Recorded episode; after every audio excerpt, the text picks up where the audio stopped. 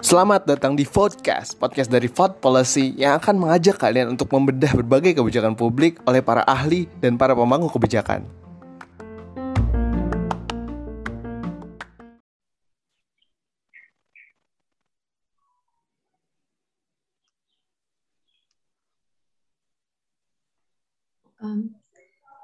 Sobat Podcast, kembali lagi di podcast, podcast dari Vod Policy episode kali ini kita akan membahas terkait peredaran obat palsu dan vaksin ilegal di kondisi COVID-19 saat ini. Nah, di edisi kali ini ada saya Renta Simanjuntak dari FEB UP dan rekan saya eh, saya Andri Prasetya dari UT Bogor eh, yang akan memandu berjalannya podcast kali ini. Nah, di sini udah ada nih teman-teman narasumber kita yang ahli dalam bidang obat-obatan dan ilmu kesehatan masyarakat, yaitu Kak Amelia. Uh, halo Kak Amel, gimana keadaannya pada pagi hari ini? Uh, halo, selamat pagi teman-teman Renta, Andri, dan mungkin teman-teman pendengar podcast uh, lainnya. Uh, kabar baik, uh, alhamdulillah ya. Uh, kita masih bisa eh, survive di tengah-tengah uh, pandemi yang luar biasa dan pastinya juga uh, mungkin berdampak ya atau memberikan dampak yang besar bagi teman-teman juga mungkin keluarga dan orang-orang terdekat jadi um, ya semoga kita semua sehat-sehat terus ya Amin. Tetap semangat ya kak. Iya.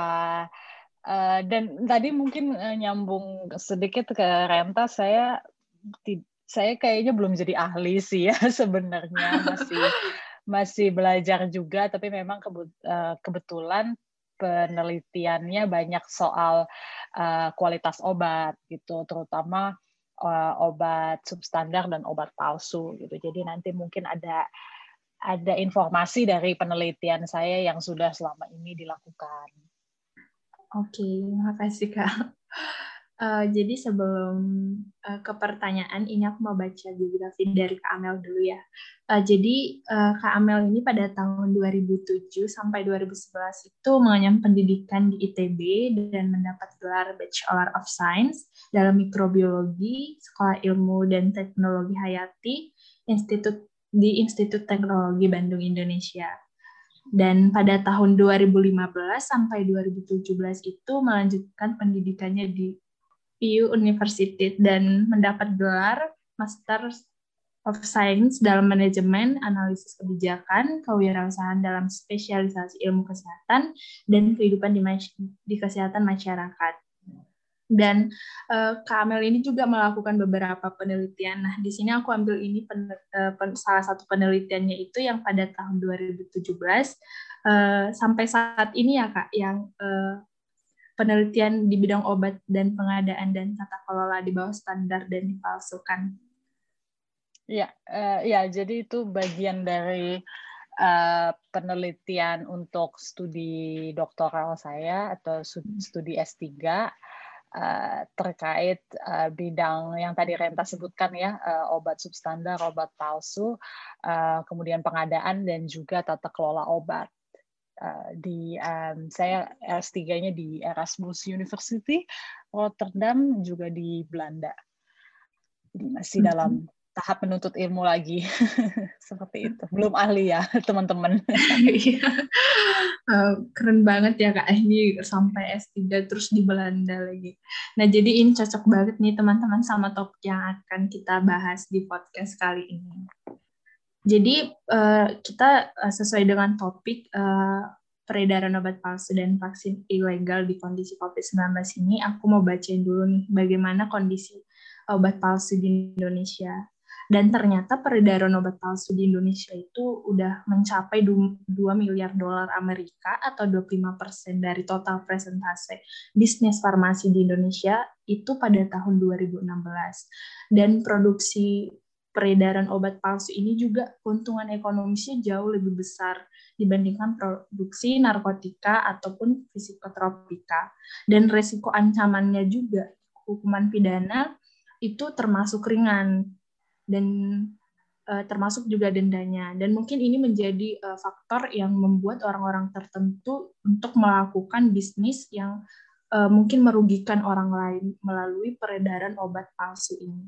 Uh, mungkin langsung aja nih kak kita ke pertanyaan-pertanyaan yang akan kita jadikan jadi diskusi. Ini langsung aja ke Andri. Silakan Andri. Oke baik, terima kasih uh, Renta. Uh, sebenarnya mm -hmm. Apa sih gitu perbedaan antara uh, obat uh, vaksin atau alat medis palsu dengan uh, yang dijual secara ilegal gitu?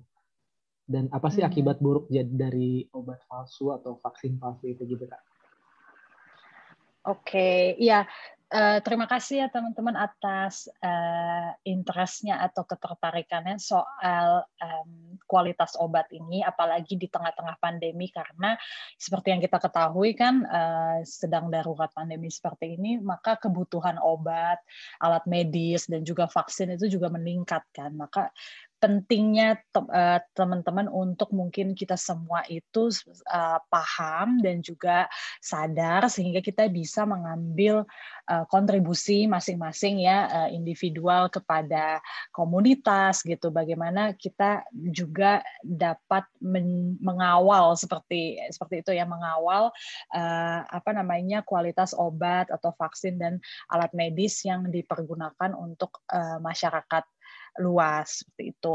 Nah, jadi eh, teman-teman uh, kalau yang mungkin teman-teman uh, juga pahami ya sejauh ini atau amati uh, obat ini kan sebenarnya adalah komoditi khusus ya. Jadi uh.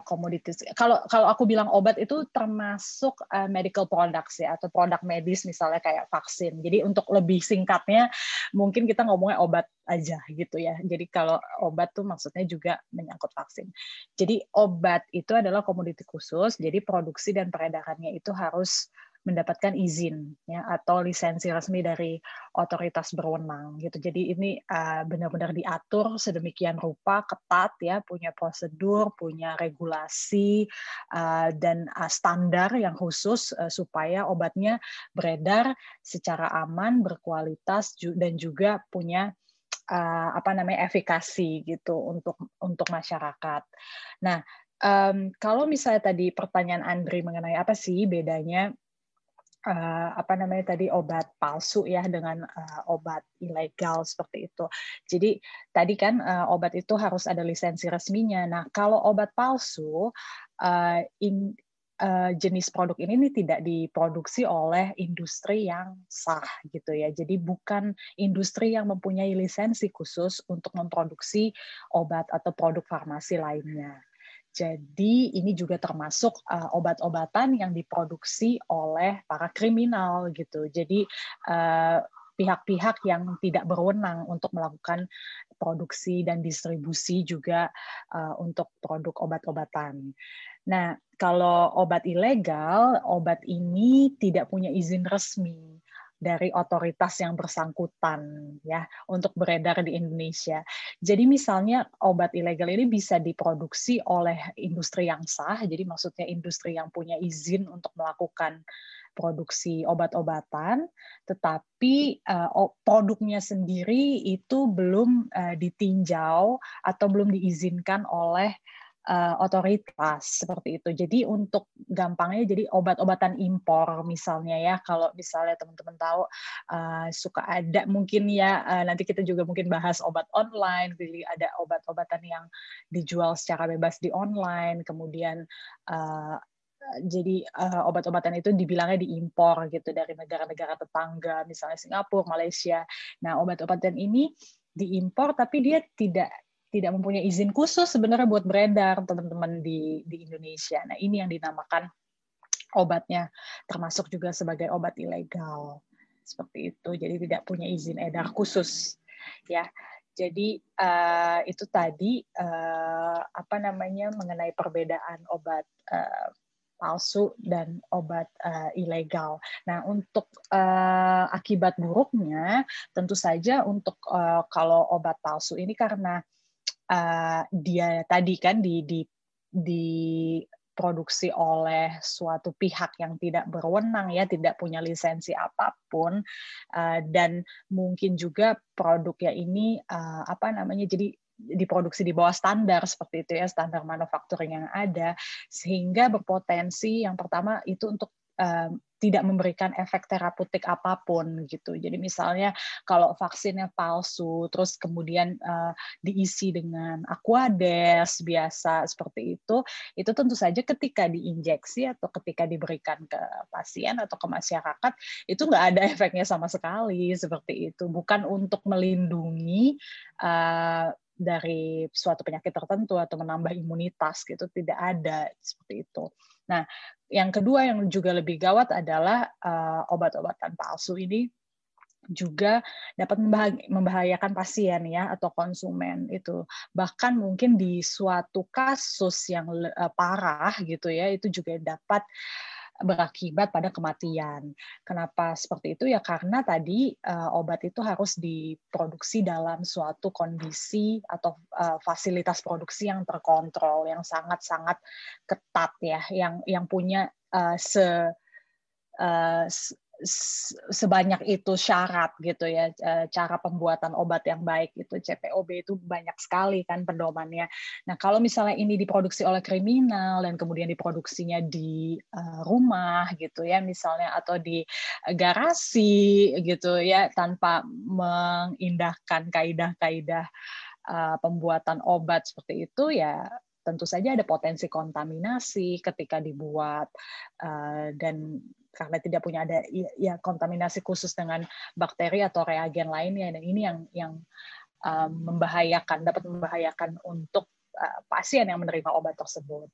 Nah, yang ketiga uh, obat palsu itu juga merugikan ya secara ekonomi gitu baik untuk pasien yang uh, membeli obatnya atau mungkin bagi sistem kesehatan negara. Kalau misalnya obat itu ditanggung oleh negara misalnya obatnya dibayar oleh BPJS nah kalau misalnya uh, memang obat uh, obat palsu ini apa namanya tadinya kan uh, mungkin pasien atau apa namanya uh, pembeli lainnya ber punya suatu harapan gitu ya untuk uh, untuk membeli obat uh, untuk mendapatkan terapi yang seharusnya, tapi ketika obat yang dibeli ini adalah uh, obat palsu, ya tentu saja ini pemborosan gitu ya, merugikan secara ekonomi karena tidak ada efek terapeutiknya dan malah mungkin dapat memberikan bahaya seperti itu. Nah, yang keempat adalah secara sistem ini uh, obat-obat palsu ini dapat menurunkan tingkat kepercayaan publik terhadap sistem kesehatan ya. Misalnya terhadap tenaga kesehatan terhadap fasilitas kesehatan atau malah ke pemerintah gitu. Jadi kalau di pandemi yang sekarang ini kan sudah banyak ya. Mungkin masyarakat uh, juga yang masih uh, istilahnya tidak percaya uh, dengan sistem kesehatan. Uh, ada istilah misalnya di covid kan kalau ke rumah sakit nah, seperti itu.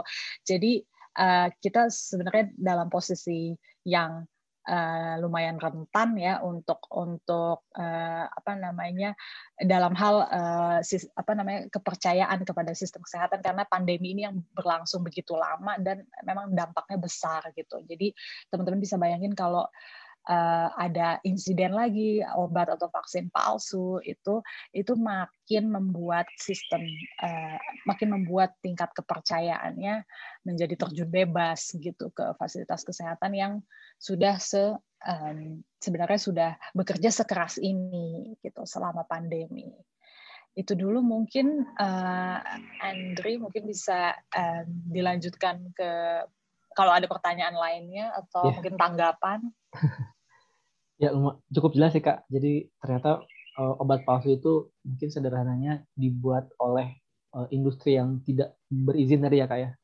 Mungkin mm -mm. komposisinya juga apa nggak jelas. Tapi kalau ilegal tuh lebih ke izin edarnya yang mungkin belum dikasih gitu kak. Betul ya. Mm -mm. Dan memang tadi ya kak bilang bahwa banyak dampak negatifnya juga ya ternyata kalau dari obat palsu itu dari kepercayaan mungkin ke pengguna obatnya juga gitu kayak Uh, pertanyaan selanjutnya mungkin kak terkait dengan peredaran obat palsu di Indonesia saat mm-hmm. ini gitu secara umum gimana sih kak sebetulnya uh, kondisi peredaran obat uh, palsu di Indonesia gitu dan uh, bagaimana jalur distribusi obat yang sah dan perbedaannya dengan uh, obat yang ilegal tadi Kak. Ya, jadi kalau uh, kalau untuk uh, soal kasus ya, kasus ini dari tahun ke tahun itu uh, ada saja tercatat kasus gitu. Nah, ini saya mengutip mungkin datanya dari otoritas yang berwenang ya melakukan pengawasan obat dan makanan di Indonesia itu Badan Pengawas Obat dan Makanan Badan POM itu dari uh, laporan tahunannya misalnya tahun 2019 gitu. Uh, jadi untuk untuk Badan POM ini sudah uh, melakukan berbagai upaya, salah satunya mengungkap peredaran obat ilegal gitu di tahun 2019 dengan total senilai 6,64 miliar rupiah. Bayangin teman-teman itu besar sekali kan uh, nilai ekonominya seperti itu dan juga uh, Badan POM juga menindaklanjuti perkara sebesar sebanyak 335 perkara ya uh, sepanjang tahun dengan total nilai ekonominya itu sampai uh, 345 uh, miliar sebesar itu gitu ya. Memang komoditinya tidak hanya obat tapi obat itu mencapai 23% dari jenis uh, pelanggaran gitu. Tadi karena Badan POM juga ada temuan kosmetik ya, nggak cuma obat tapi obat juga uh, apa mengambil proporsi yang uh, yang juga besar seperti itu. Nah, uh, itu tadi gambaran ininya ya resminya mungkin uh, dari apa yang terjadi uh, di di tahun 2019 gitu. Jadi nilai ekonominya sangat besar dan kalau teman-teman uh, pernah juga mengikuti mungkin uh, ada beberapa kasus obat uh, pemalsuan obat yang juga sangat disorot oleh media massa ya. Misalnya uh, saya kasih contoh di tahun 2016 waktu itu ada kasus vaksin palsu ya untuk anak-anak itu uh, yang uh, melibatkan sekitar 1.500 anak di kawasan Jakarta Timur dan Bekasi uh, diduga menerima vaksin palsu yang dibuat oleh uh, sepasang suami istri yang buat vaksinnya di garasi rumah mereka sendiri dari tahun 2010. Jadi pasangan kriminal ini sebenarnya sudah mulai beroperasi dari tahun 2010 dan baru benar-benar diungkap kejahatannya di 2016. Dan mereka ini mendistribusikan ke sejumlah rumah sakit swasta di daerah Jakarta Timur dan Bekasi. Itu cukup heboh ya teman-teman uh, untuk kasus vaksin palsu itu. Kemudian juga ada 2019 ada pengemasan obat ulang ya. Jadi suatu distributor yang terdaftar resmi uh, itu dia melakukan pengemasan obat ulang jadi obat-obatannya uh, yang sebenarnya uh, mereknya beda atau mungkin dia obatnya generik dikemas ulang sebagai obat penyakit kronis. Jadi misal obat hipertensi diabetes jadi seolah-olah menjadi obat paten atau bermerek lalu dijual ke jaringan apotek resmi. Itu uh, menurut laporan Kompas itu sekitar 197 apotek di Jabodetabek dicurigai menerima suplai obat yang dikemas ulang dari distributor ini. Kalau ini di jalurnya resmi ya, teman-teman. Dan uh, keuntungan per bulannya untuk distributornya sendiri itu sampai 400 juta. Jadi bisa dilihat betapa benar-benar bisnisnya sangat lukratif ya teman-teman untuk obat palsu ini. Nah, kalau misalnya eh, bicara soal distribusi obat ya tadi pertanyaan Andre selanjutnya, kalau distri, distribusi obat yang resmi adalah memang harus melalui sarana distribusi yang berlisensi dan juga didistribusikan ke eh, fasilitas atau ke outlet yang memang juga mempunyai izin untuk uh, melakukan pemberian obat ya dispensing pemberian atau penjualan obat seperti itu. Jadi lagi-lagi teman-teman uh, obat ini diatur secara ketat gitu dan baik dari produksi distribusinya itu juga ketat gitu ya misalnya. Dan uh, kalau untuk distribusi obat resmi misalnya kalau dari uh, setelah dari dari produsen ya keluar dari pabrik itu dia akan bisa didistribusikan oleh suatu distributor yang punya lisensi khusus lagi-lagi ya karena uh, distribusi obat ini kan ada ada syaratnya misalnya uh, untuk uh, pengaturan suhunya misalnya terutama untuk obat-obatan yang sangat sensitif ya sediaannya seperti injeksi seperti vaksin ya, itu kan tidak bisa sembarangan harus ada cold chain-nya kan. Nah itu juga harus diperhatikan sehingga distributor yang baik itu akan mengikuti kaidah-kaidah distribusi obat yang baik juga seperti itu. Nah, baru dari distributor ini kemudian disalurkan ke fasilitas kesehatan, misalnya ke rumah sakit, ke apotek, terus kemudian juga ke puskesmas ya, teman-teman juga untuk dan untuk obat-obat yang bisa dibeli pasien dengan bebas itu ya juga langsung disalurkan ke apotek supaya pasien bisa membelinya dengan bebas. Nah, itu yang tadi yang eh, kira-kira yang distribusi resmi seperti itu. Untuk yang jalur distribusi tidak resmi, nah ini yang sangat-sangat juga eh, kompleks ya teman-teman sebetulnya gitu. Dari eh, kasus tadi yang saya sebutkan ya kasus vaksin palsu dan juga uh, di di tahun 2016 maaf dan kasus pengemasan obat di tahun 2009 uh, eh, sorry kasus vaksin palsu di tahun 2016 dan pengemasan ulang obat di 2019 uh, uniknya adalah memang produk-produk palsu ini masuk ke dalam jalur distribusi yang harusnya Eh, terkontrol dengan baik ya karena mereka masuk ke fasilitas kesehatan tadi ke rumah sakit ya atau ke apotek seperti itu. Jadi eh, ini ini bisa saja terjadi teman-teman berarti memang eh, dibutuhkan mungkin pengawasan yang lebih ketat lagi dari sisi fasilitas kesehatannya untuk memfilter produk-produk apa saja yang bisa masuk dan uh, di, diberikan ke pasien seperti itu.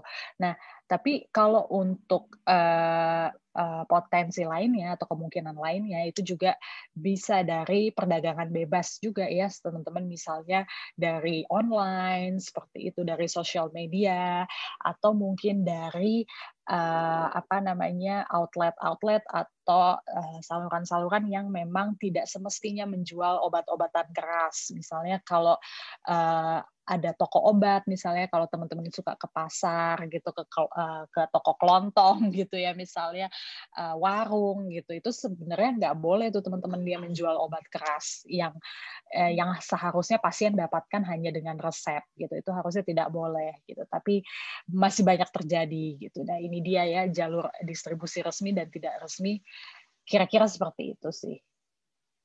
Ya oke kak lumayan mencerahkan kak. Ternyata eh, jalur distribusi obat palsu ini juga bisa masuk ke paskes ini ya kak. Rumah sakit dan apotek ternyata kalau lihat dari kasus tadi. Iya. Ya pertanyaan selanjutnya kak. Kalau untuk spesifik nih di tengah pandemi saat ini eh, gimana sih kak supply dari obat-obatan itu sendiri gitu? Karena kalau yang saya rasakan sendiri gitu ya waktu sakit mm-hmm. COVID kemarin itu nyari obat juga agak susah sebenarnya. Nah, apakah dengan adanya apa ya kelangkaan mungkin yang disebut obat ini itu jadi peluang untuk uh, bisnis obat palsu atau ilegal itu semakin meningkat gitu kak?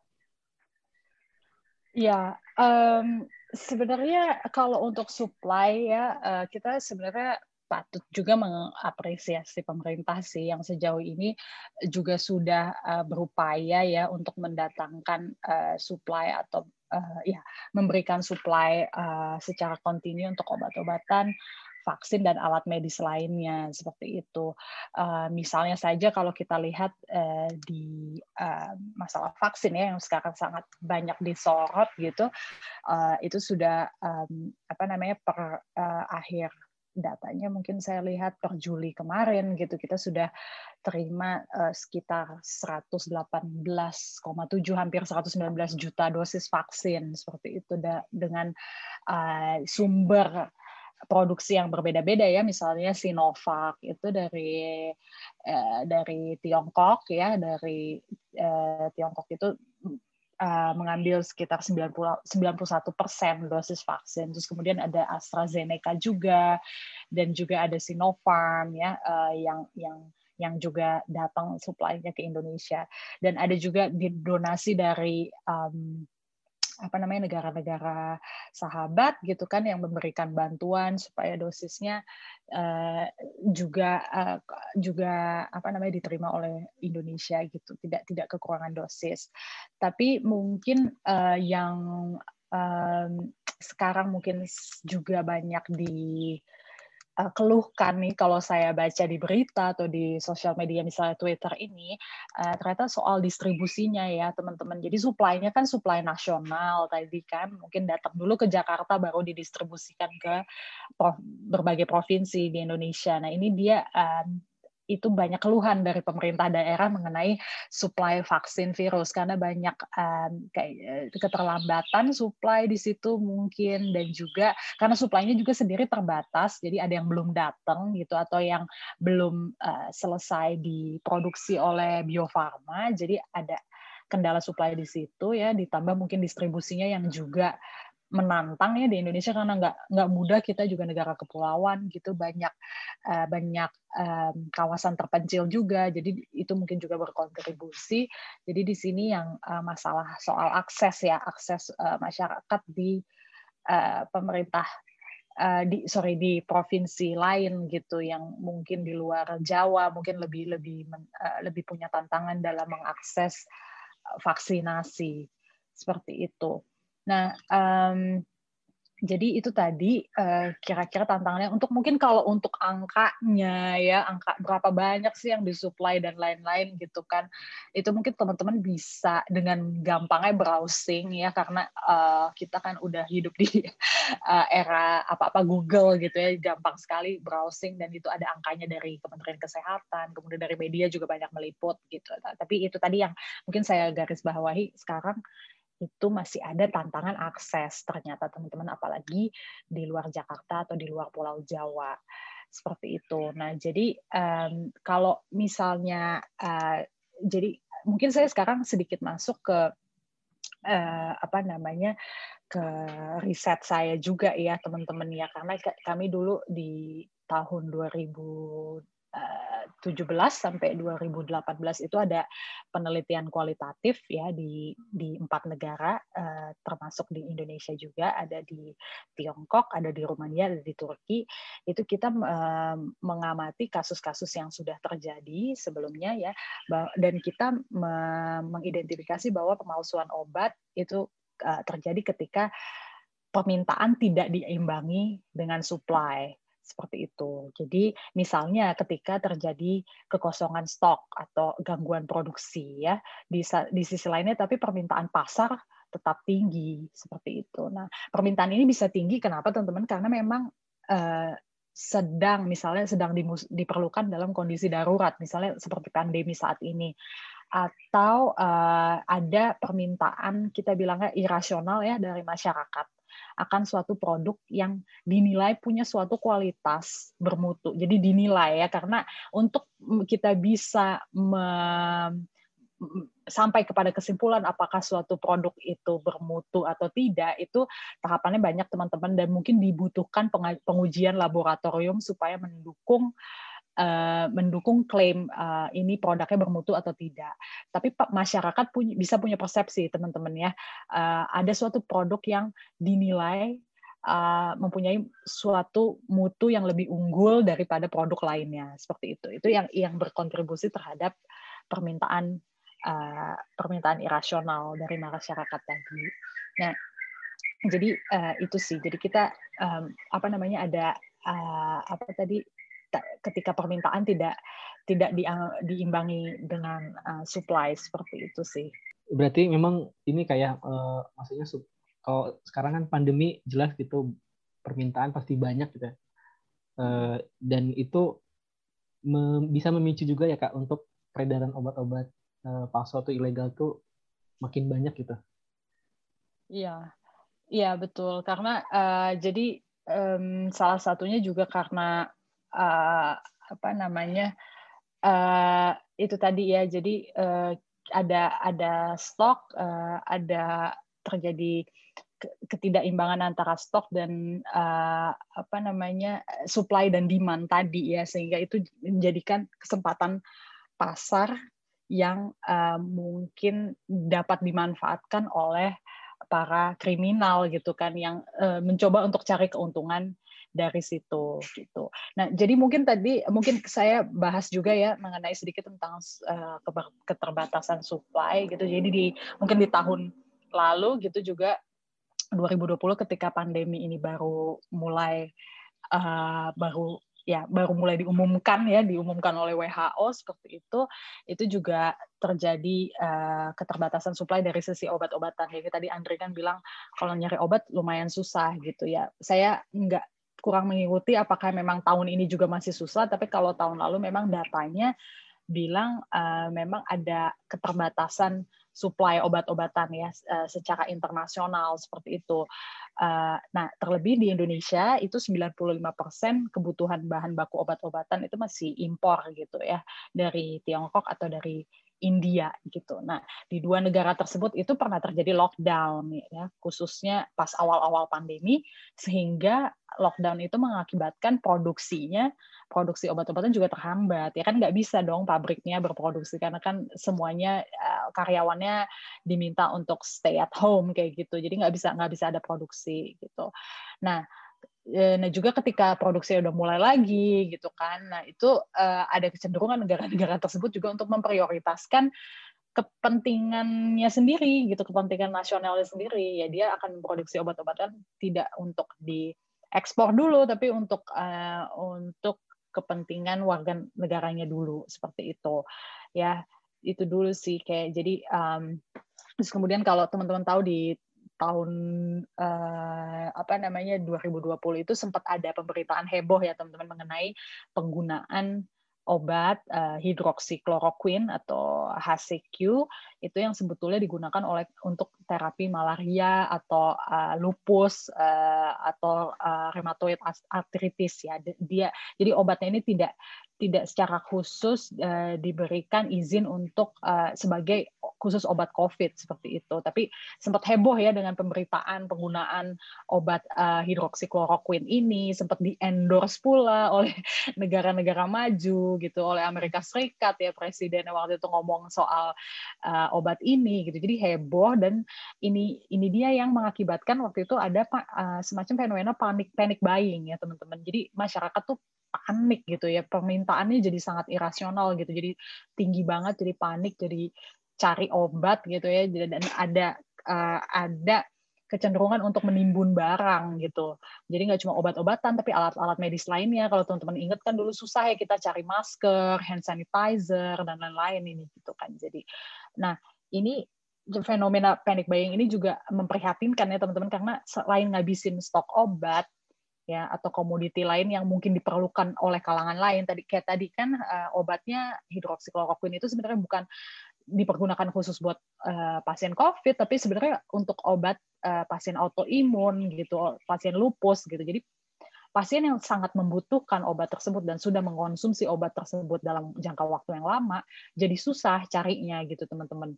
Nah ini kan sangat merugikan ya untuk untuk uh, untuk uh, untuk terapi penyakit lainnya yang memang uh, sangat memerlukan obat ini. Dan juga panic buying ini mendorong harga produk tuh jadi sangat tinggi ya. Jadi sangat tinggi dibandingkan harga pasar lainnya. Nah ini yang menjadi peluang pasar teman-teman atau market opportunity yang besar dan berpotensi memberikan keuntungan atau profit kita bilangnya yang tinggi bagi para pemalsu atau kriminal yang tadi untuk memproduksi dan memperdagangkan obat palsu seperti itu. Seperti itu Andri. Iya kak. Atau Renta.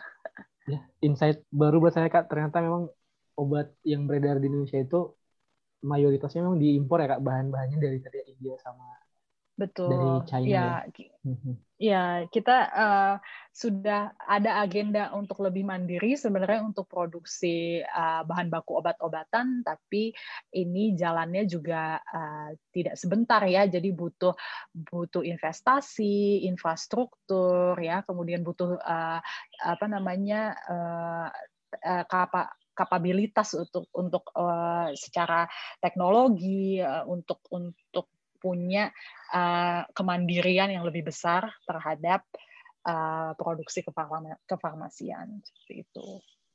Amin kak. Mungkin pertanyaan selanjutnya di akan dilanjutkan oleh Renta. Silahkan Renta. Ya, makasih Henry. Uh, makasih juga buat Kak Amel uh, per, uh, jawaban-jawaban ini udah uh, kayak buka uh, pikiran kita. Oh ternyata obat-obatan ini uh, selain sangat penting, ternyata ini juga uh, karena kepentingan obat ini ini bisa jadi kayak peluang bagi orang atau oknum tertentu yang dimanfaatkan jadi uh, peluang bisnis gitu ya kak. Uh, terus uh, mungkin langsung ke pertanyaan aja nih kak. Uh, dilihat uh, dari penjelasan kakak tadi itu kan kayak uh, kepanikan dari uh, masyarakat terhadap kebutuhan obat ini ternyata bisa men menyebabkan uh, atau buka peluang besar bagi oknum-oknum tertentu untuk uh, memproduksi uh, obat obat palsu ataupun disalurkan melalui ilegal. Nah, aku mau tanya di kondisi COVID saat ini nih kak, uh, apakah uh, kemarin itu ada isu tentang uh, vaksin berbayar? Apakah skema vaksin berbayar ini uh, bisa jadi berdampak terhadap kesempatan pemalsuan vaksin di Indonesia nih kak? Uh, iya, jadi kalau kita tahu kan sempat kemarin ada rencana ya untuk menerapkan vaksin berbayar dengan hmm. vaksinnya Sinopharm kemudian di uh, didistribusikan uh, oleh apa namanya kimia farma seperti itu ya untuk untuk dijual di jaringan apotek kimia farma tapi uh, untuk saat ini rencananya belum jadi ya kayaknya dibatalin lagi iya, gitu. ya, uh, tapi Iya, dibatalin. Jadi eh, sejauh ini sih masih uh, untuk vaksin COVID ya masih di uh, diberikan secara cuma-cuma untuk masyarakat gitu. Tapi tadi sebenarnya pertanyaan ini menarik juga sih karena membuat saya berpikir ya, apakah memang kalau ada skema vaksin berbayar dan Pak masyarakat punya bisa punya lebih punya kendali gitu kan untuk membeli gitu suatu vaksin gitu, apakah ini ada efeknya akan ada efeknya terhadap kesempatan pemalsuan vaksin. Nah, Eh, lagi-lagi kalau tadi eh, kita singgung soal masalah kesempatan pasar ya, kita lihat kesempatan pasar atau eh, market opportunity itu kan dipengaruhi tadi oleh misalnya ketidakseimbangan antara supply dan demand-nya ya teman-teman ya dari supply-nya seperti apa, demand-nya seperti apa.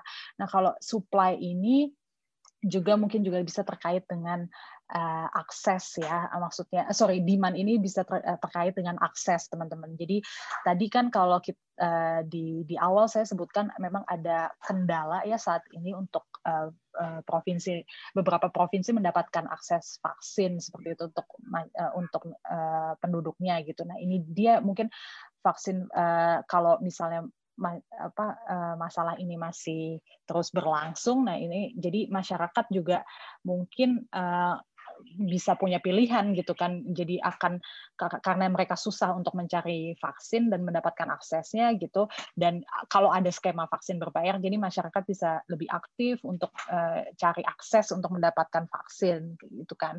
Nah sebenarnya ini tidak masalah, tapi lagi-lagi cari aksesnya ke mana nih gitu ya apakah ke uh, uh, saluran distribusi atau misalnya outlet yang memang terregulasi atau berlisensi ya seperti fasilitas kesehatan, puskesmas, apotek dan lain-lain atau mungkin cari ke jalur lain yang agak menyimpang nih teman-teman. Jadi bahayanya seperti itu sih ya.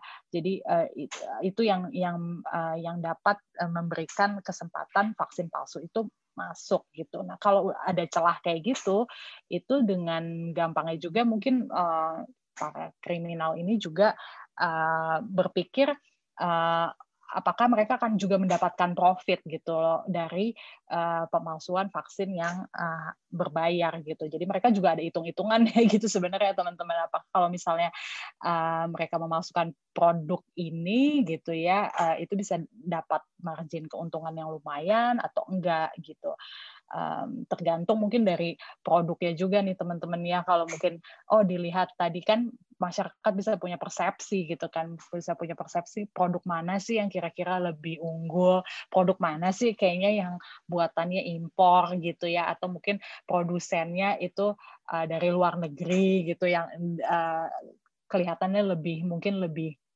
lebih wah dibanding produsen lainnya seperti itu. Nah itu kalau uh, vaksinnya dijual dengan bebas gitu kan. Jadi masyarakat lebih punya kendali untuk menentukan produk mana yang mau dibeli.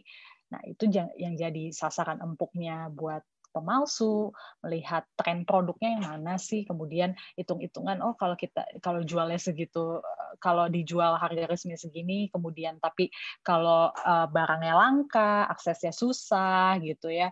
Uh, masyarakat juga kalau sudah tertarik mereka akan bayar gitu, akan bayar mungkin dengan harga yang lebih tinggi daripada harga pasar. Nah ini yang akan menciptakan eh, bisa menciptakan keuntungan untuk si pemalsunya. Jadi singkat kata adalah bisa saja gitu, bisa saja tidak tidak menutup kemungkinan gitu. Apakah kalau misalnya nanti skema vaksin berbayar ini memang benar-benar diterapkan, uh, itu apakah uh, ada ada kesempatan atau celah pemalsuan vaksin atau tidak gitu. Kalau menurut saya sih bisa aja.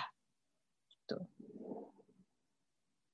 Hmm, berarti sebenarnya kalau vaksin berbayar ini mas uh, kebijakannya termasuk kayak baik gitu ya kak ya tidak ada masalah tapi uh, di mana masalah aksesnya ini bisa jadi menyimpang gitu ya kak.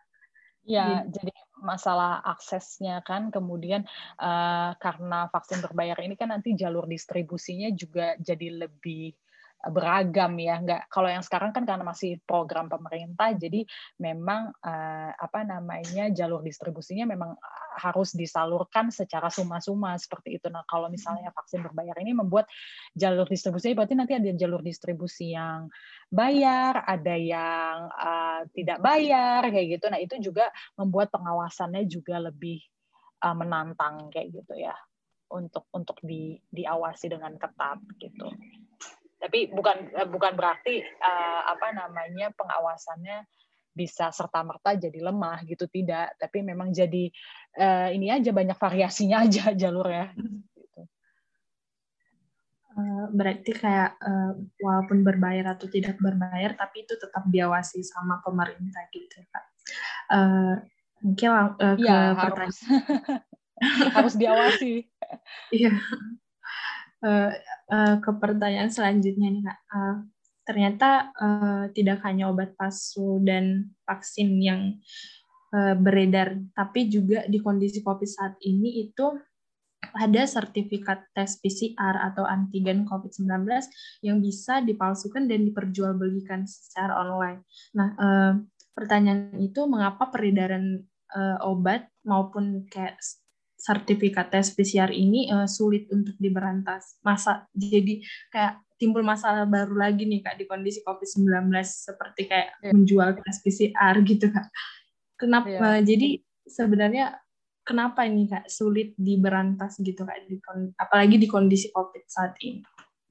Iya, jadi um, jadi kalau menurut saya gitu ya uh, memang on apa namanya masalah perdagangan obat online ini benar-benar suatu hal yang sangat kompleks gitu karena celahnya banyak sekali gitu. Dan dengan gampangnya kita tuh bisa tinggal buka web page ya tinggal buka Google hmm. search engine gitu. Terus kemudian kita mau beli obat yang nanti uh, penjualnya itu di misalnya dari Amerika atau dari Eropa kayak gitu itu segampang itu teman-teman. Dan pengawasannya juga sesulit itu sayang sekali kan. Nah jadi kalau tadi menjawab pertanyaan Renta laju perdagangan dan peredaran obat palsu atau ilegal ya di e-commerce itu sangat cepat ya teman-teman. Benar-benar sangat dinamis. Jadi pemalsu atau kriminal atau pelaku uh, perdagangannya itu dengan cepat dia bisa membaca market trend atau uh, apa namanya uh, kebutuhan pasar gitu berdasarkan dinamika terakhirnya. Misalnya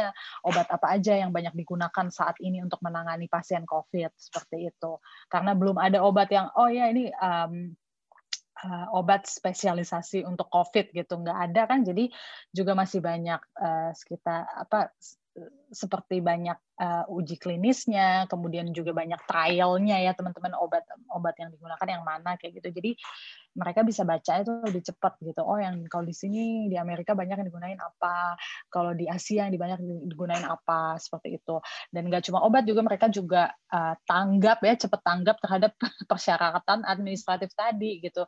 Misalnya sekarang uh, kalau kita traveling gitu ke mana-mana sekarang butuh sertifikat negatif tes antigen atau PCR. Nah mereka ini cepat sekali untuk membaca ini dan uh, menyesuaikan dengan model bisnisnya mereka gitu. Nah, uh, yang kedua adalah setelah ngebaca kebutuhan pasar, jadi pemalsu itu dapat menjual produknya di beberapa platform e-commerce ya, e-commerce atau marketplace yang berbeda.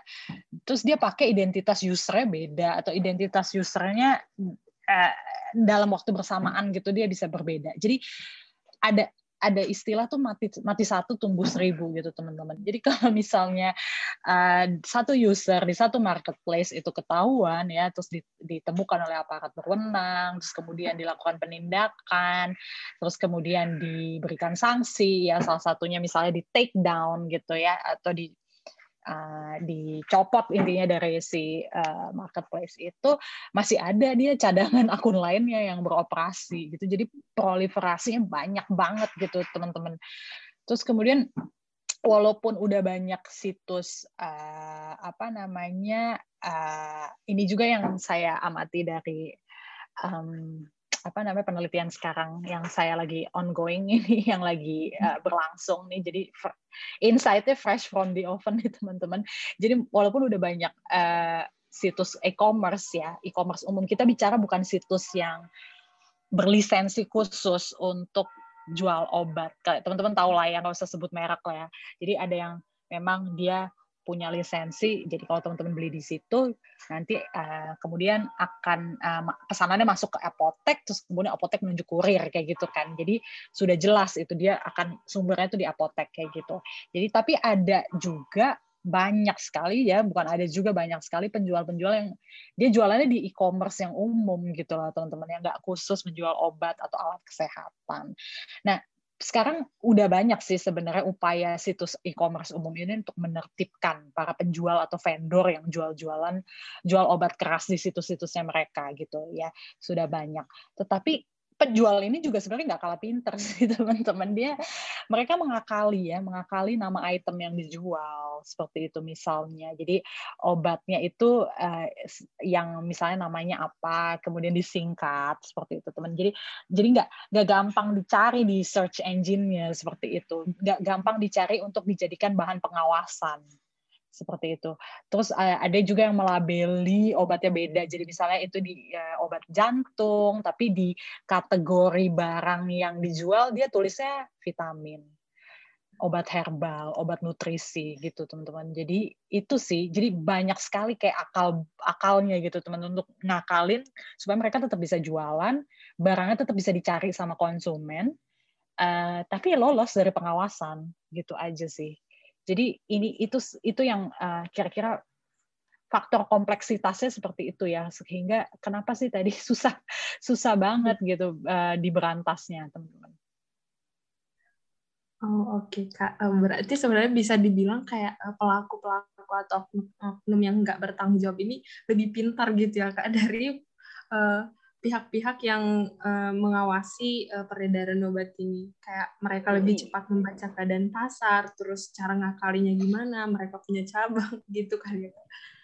Makanya ya, susah. Uh, mungkin ya mungkin nggak lebih pintar ya, cuma mereka lebih karena mereka kan ke motivasinya adalah sebenarnya untuk meraih keuntungan kan sama seperti kita sama seperti penjual yang lain gitu kan sebenarnya mereka pengen dapetin keuntungan sebesar besarnya gitu. Nah ya caranya ya mereka ya itu dia tadi ya sebenarnya kayak uh, uh, ya tadi maka itu memotivasi mereka untuk membaca kebutuhan pasar dengan lebih cepat seperti itu sih jadi um, dan apa namanya uh, jadi butuh pengawasannya tuh memang uh, memang ekstra ya kalau untuk yang online hmm. ini.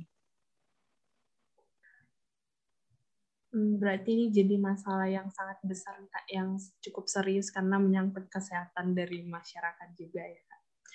Iya, uh, karena uh, udah gak kita se mungkin setiap orang sekarang udah pernah beli, beli obat online sih ya. Kalau kalau bagi teman-teman gitu yang sangat apa generasinya sangat-sangat digital gitu ya, mungkin ya udahlah beli aja online gitu. Nah, itu yang uh, kesadarannya penting gitu teman-teman supaya untuk membedakan beli di mana sih yang uh, online tuh yang yang uh, yang aman atau enggak gitu. Uh, Oke. Okay udah terjawab nih.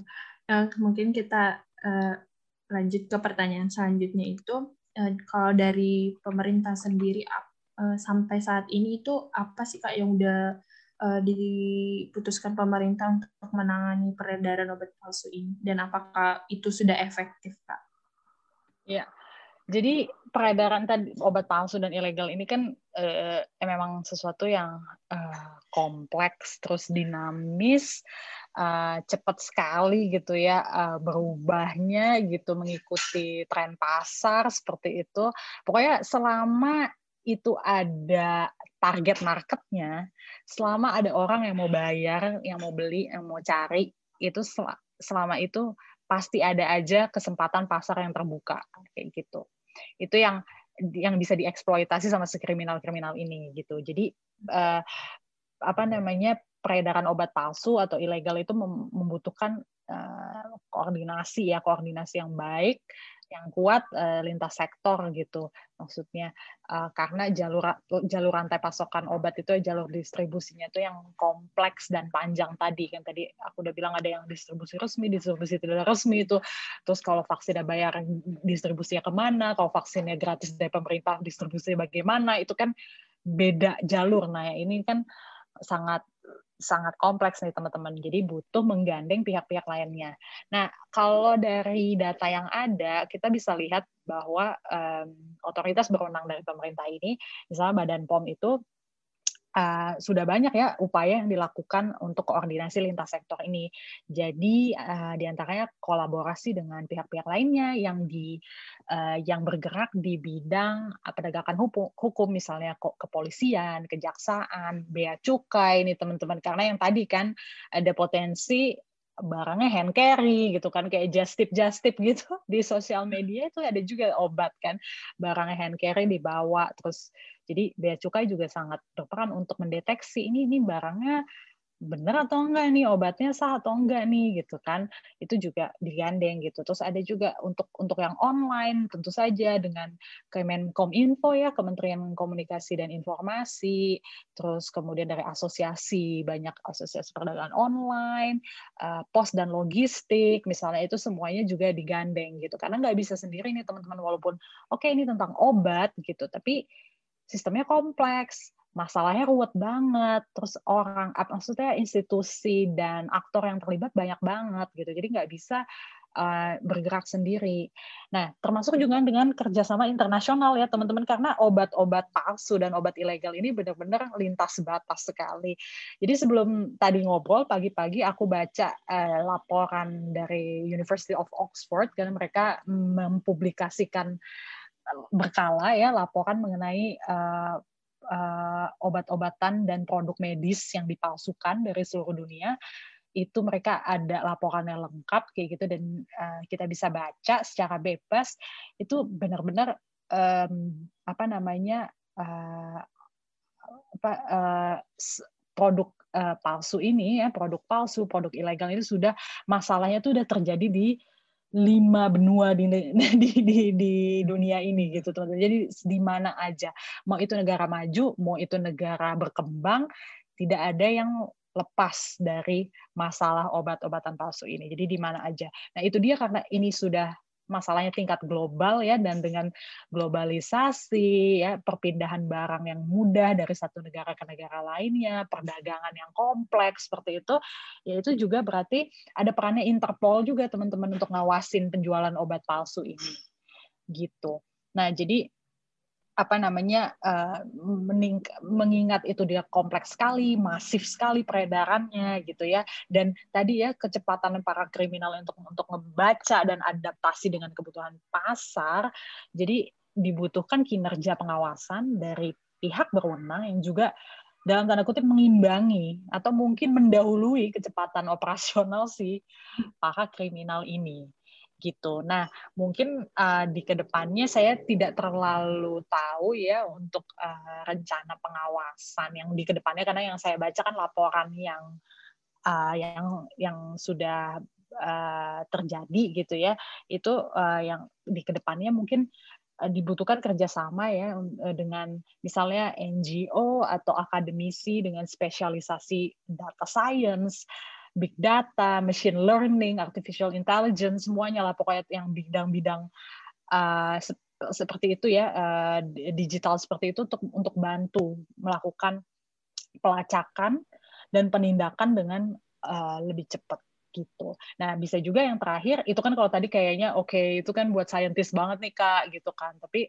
sebenarnya juga dari masyarakat itu uh, juga dibutuhkan sih teman-teman ya pelaporan gitu pelaporan gini karena kan sebenarnya end usernya konsumennya adalah masyarakat gitu hmm. jadi uh, upaya ini juga harus ada dari masyarakat untuk juga bantu melaporkan produk yang curiga dipalsuin gitu loh melalui kanal pengaduan. Jadi kalau uh, teman-teman nanti browsing itu ada sih kanal pengaduan yang sebenarnya pemerintah atau otoritas berwenang sudah siapin untuk masyarakat melakukan pengaduan kalau ada kecurigaan produknya palsu atau ilegal kayak gitu. Jadi harus dari uh, apa namanya dari end usernya juga ada keterlibatan supaya lebih kerjanya juga lebih efektif dan lebih efisien gitu teman-teman.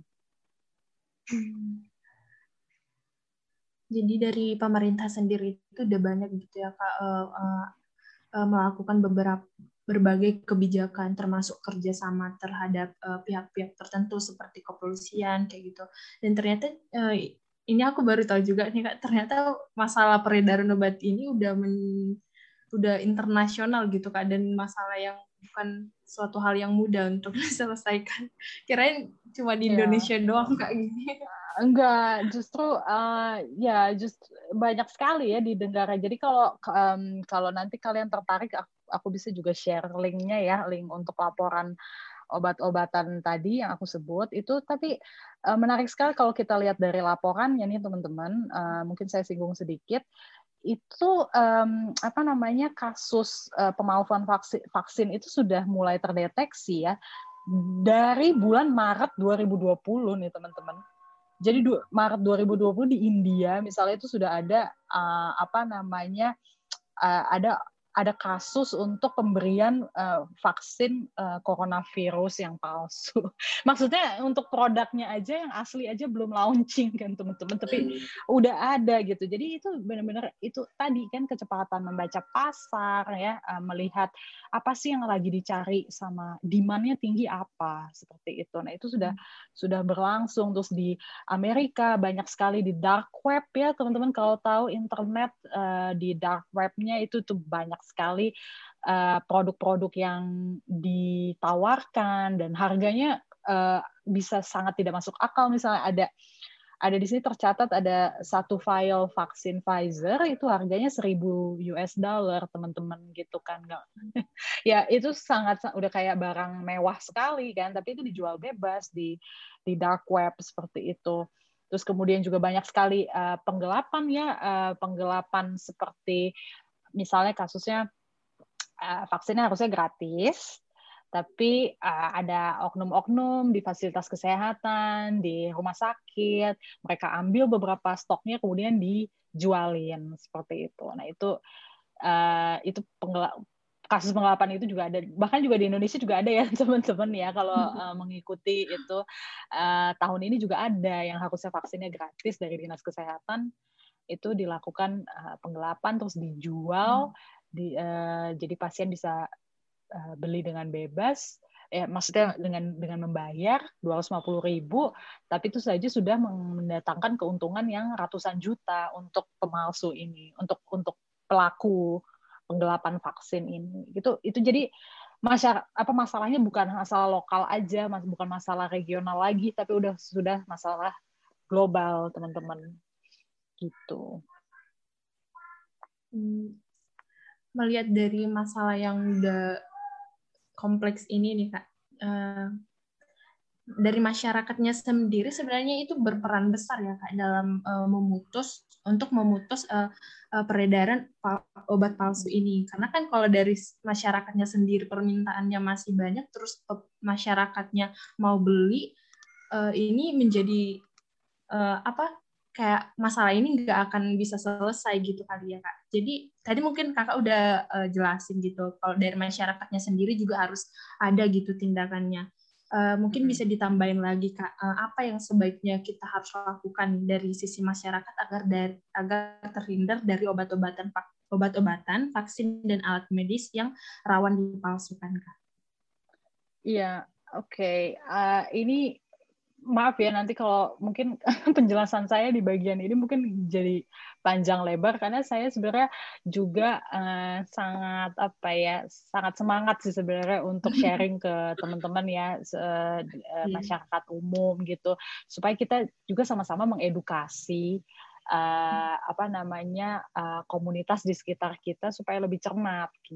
Ya, untuk uh, yang pertama ya usahakan untuk membeli atau mendapatkan obat, vaksin dan alat medis itu dari sumber yang sah dan terpercaya. Jadi kalau obat, ini teman-teman uh, apa namanya mungkin memprioritaskan untuk mendapatkan obat dari apotek biasa. Jadi ya kalau teman-teman pergi ke ya apotek ya biasa gitu ya atau apotek online yang memang dia punya izin untuk menjual obat keras gitu. Jadi kalau beli online, kalau ya udah deh kayak aduh mager nih keluar rumah gitu kan, harus beli online atau ya kan dia lagi PPKM juga Kak, gimana dong kan?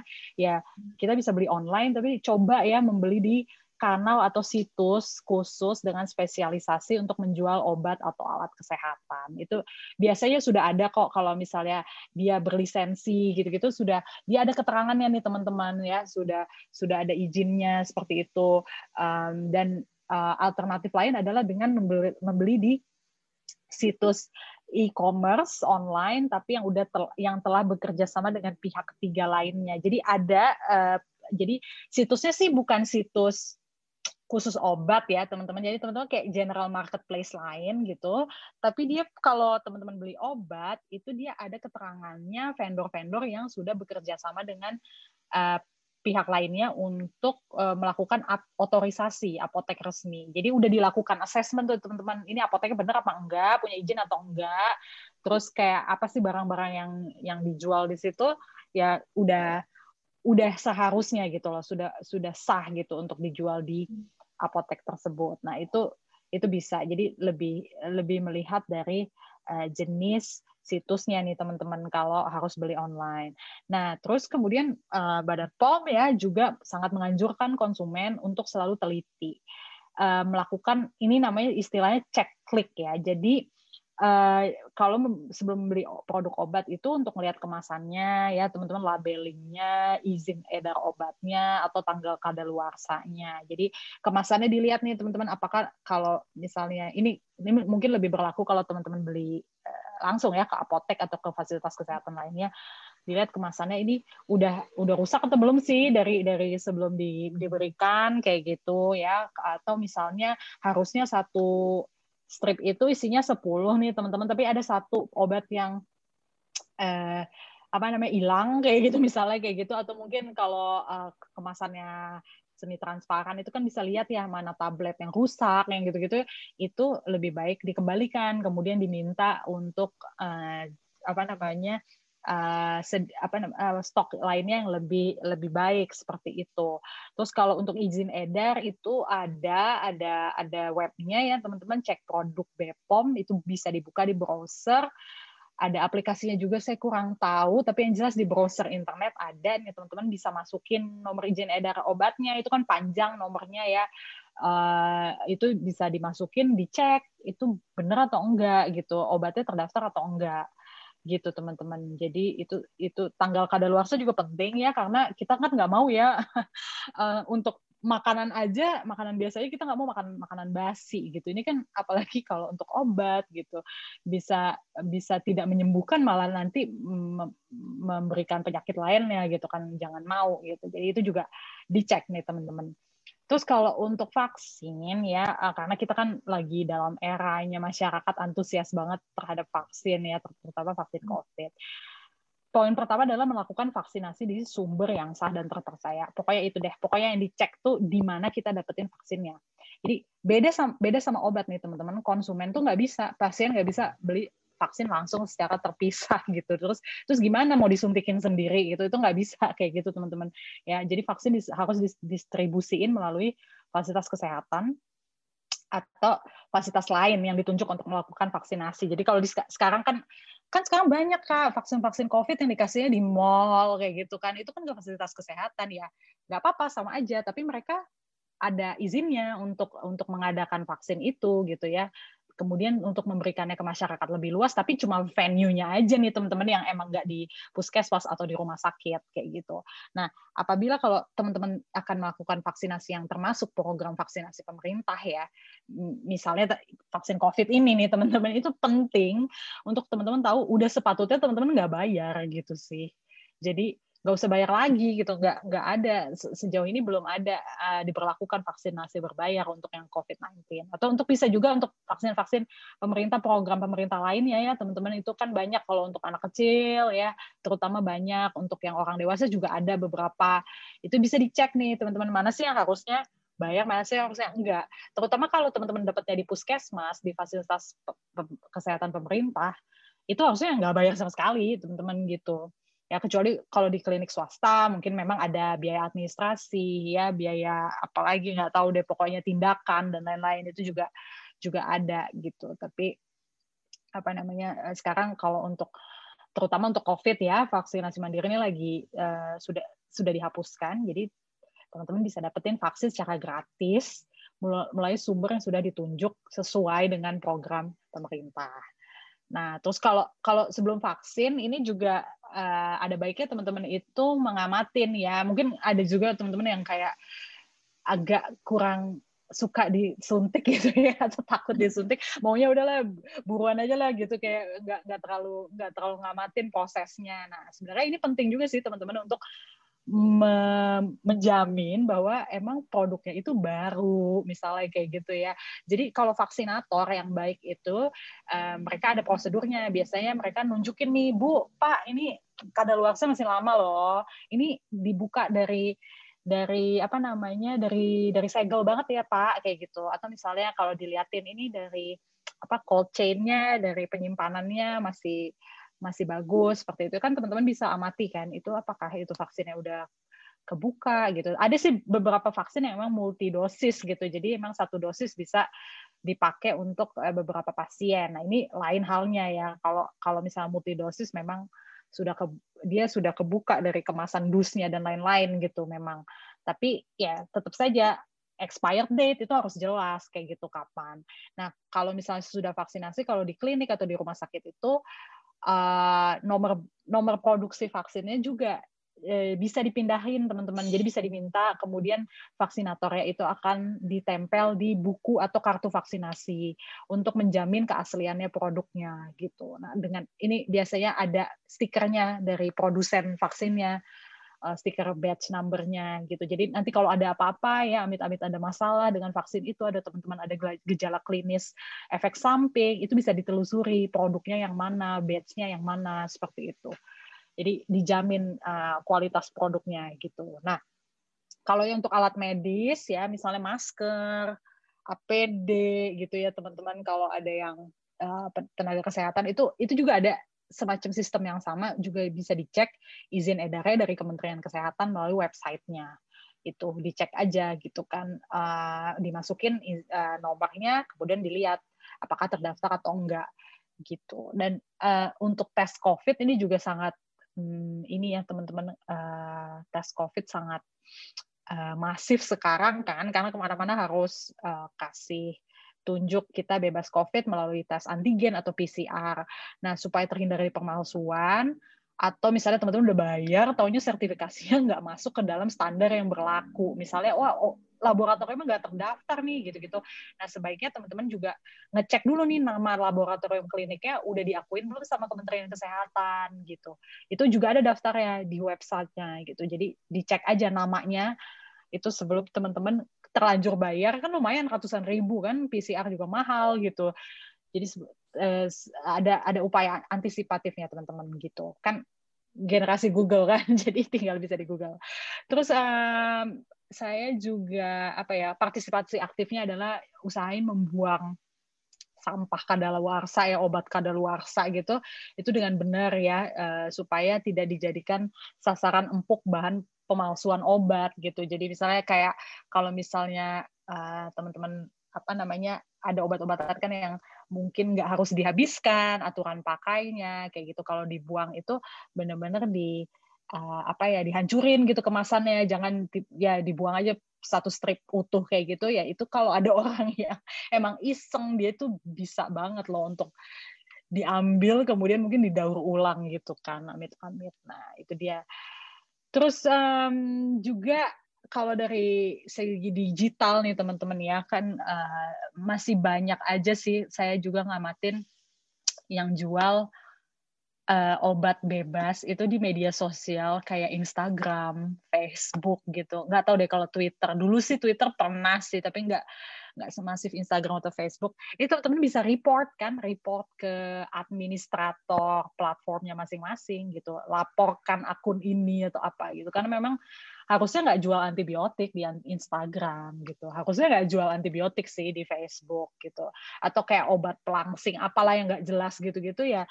Kalau teman-teman lihat dan kira-kira ini memang hmm, ya sangat mencurigakan itu teman-teman bisa partisipasi dengan ngelaporin gitu sih. Dan yang terakhir dari uh, uraian saya yang cukup panjang ini jangan lupa untuk menghimbau lingkungan terdekat, misalnya keluarga, pertemanan, untuk cermat membeli obat ya, uh, yang langkah-langkah tadi itu itu di share teman-teman ya, di share kayak kayak um, segampang orang sekarang nge-share apa pun lewat WhatsApp ya tanpa difilter dulu. Nah, teman-teman juga bisa aktif secara aktif nge-share langkah-langkah tadi supaya terhindar dari bahaya obat palsu dan ilegal. Ya, menurut saya tanpa edukasi yang cukup, terus kesadaran pasien tinggi ya atau konsumen tinggi sebagai sasaran pemasaran obat palsu, bahaya tuh akan tetap mengintai teman-teman terlepas dari upaya pemerintah atau pihak berwenang dalam mencegah atau menindak pemalsuan dan peredaran obat palsu dan ilegal. Gitu deh. cukup kompleks ya kak, uh, cukup banyak nih penjelasan terus saran-sarannya juga cukup banyak uh, untuk gimana sih kita biar peredaran obat palsu ini bisa uh, berkurang atau bisa teratasi gitu ya kak. Ternyata dan juga apa uh, masyarakat itu harus betul-betul uh, teliti gitu ya kak. Dan tidak hanya untuk diri kita sendiri, tapi kita juga harus menghimbau masyarakat uh, di sekitar kita, terutama kayak keluarga gitu. Ya, karena memang uh, kal karena kan kalau teman-teman kan mungkin berpin uh, punya pendidikan yang baik gitu kan ya teman-teman ya teman-teman ini apa namanya generasi literasi digitalnya baik seperti itu dan teman-teman bisa membedakan kan mana sumber yang sama mana yang tidak. Nah tapi kan mungkin di sekitar kita ada beberapa kerabat atau mungkin tetangga yang tidak bisa mendapatkan kesempatan pendidikan yang sama seperti kita. Nah, itu yang yang perlu kita bantu teman-teman secara aktif supaya uh, mereka juga bisa terhindar dari uh, apa bahaya obat palsu dan ilegal gitu maksud saya. Uh, mungkin dari saya uh, pertanyaannya udah cukup ya kak dan sangat uh, menambah wawasan terutama mungkin kita dari backgroundnya yang ekonomi kita juga tahu nih uh, tentang obat-obatan di Indonesia bagaimana pemerintah dan bagaimana seharusnya kita dari masyarakat gitu kak. Dari penjelasan kakak dari awal juga uh, sangat uh, uh, apa menambah wawasan kita nih kak. Hmm, mungkin uh, dari kita uh, untuk diskusinya mungkin itu aja kak yang mau kita tanyain sama kakak uh, dan Uh, makasih juga kak untuk uh, udah luangkan waktunya terus pertanyaan uh, apa jawaban-jawaban dari kakak juga yang sangat uh, menjawab uh, pertanyaan dari kita mungkin gitu kali kak untuk diskusi kali ini. Ya, terima kasih juga kesempatannya teman-teman. Semoga mencerahkan, sedikit mencerahkan ya. Kalau tambah bingung atau apa ya bisa. Mungkin bisa hubungin saya lagi gitu. Kita bisa kontak-kontakan untuk ngobrol karena sebenarnya saya senang untuk brainstorming juga dengan banyak pihak gitu uh, untuk uh, untuk isu ini dan juga ter penelitian terkait ini gitu. Jadi sama-sama ya. Maka terima kasih sudah dikasih kesempatan semoga bermanfaat semoga kita sehat-sehat terus nggak perlu obat beli obat sana sini online gitu ya. Um, itu sih. Dan juga jangan lupa vaksin kalau ada yang belum vaksin. Ya, vaksinnya gratis kok jadi nggak perlu takut. Udah, udah nggak perlu takut palsu ya. Gitu. Oke,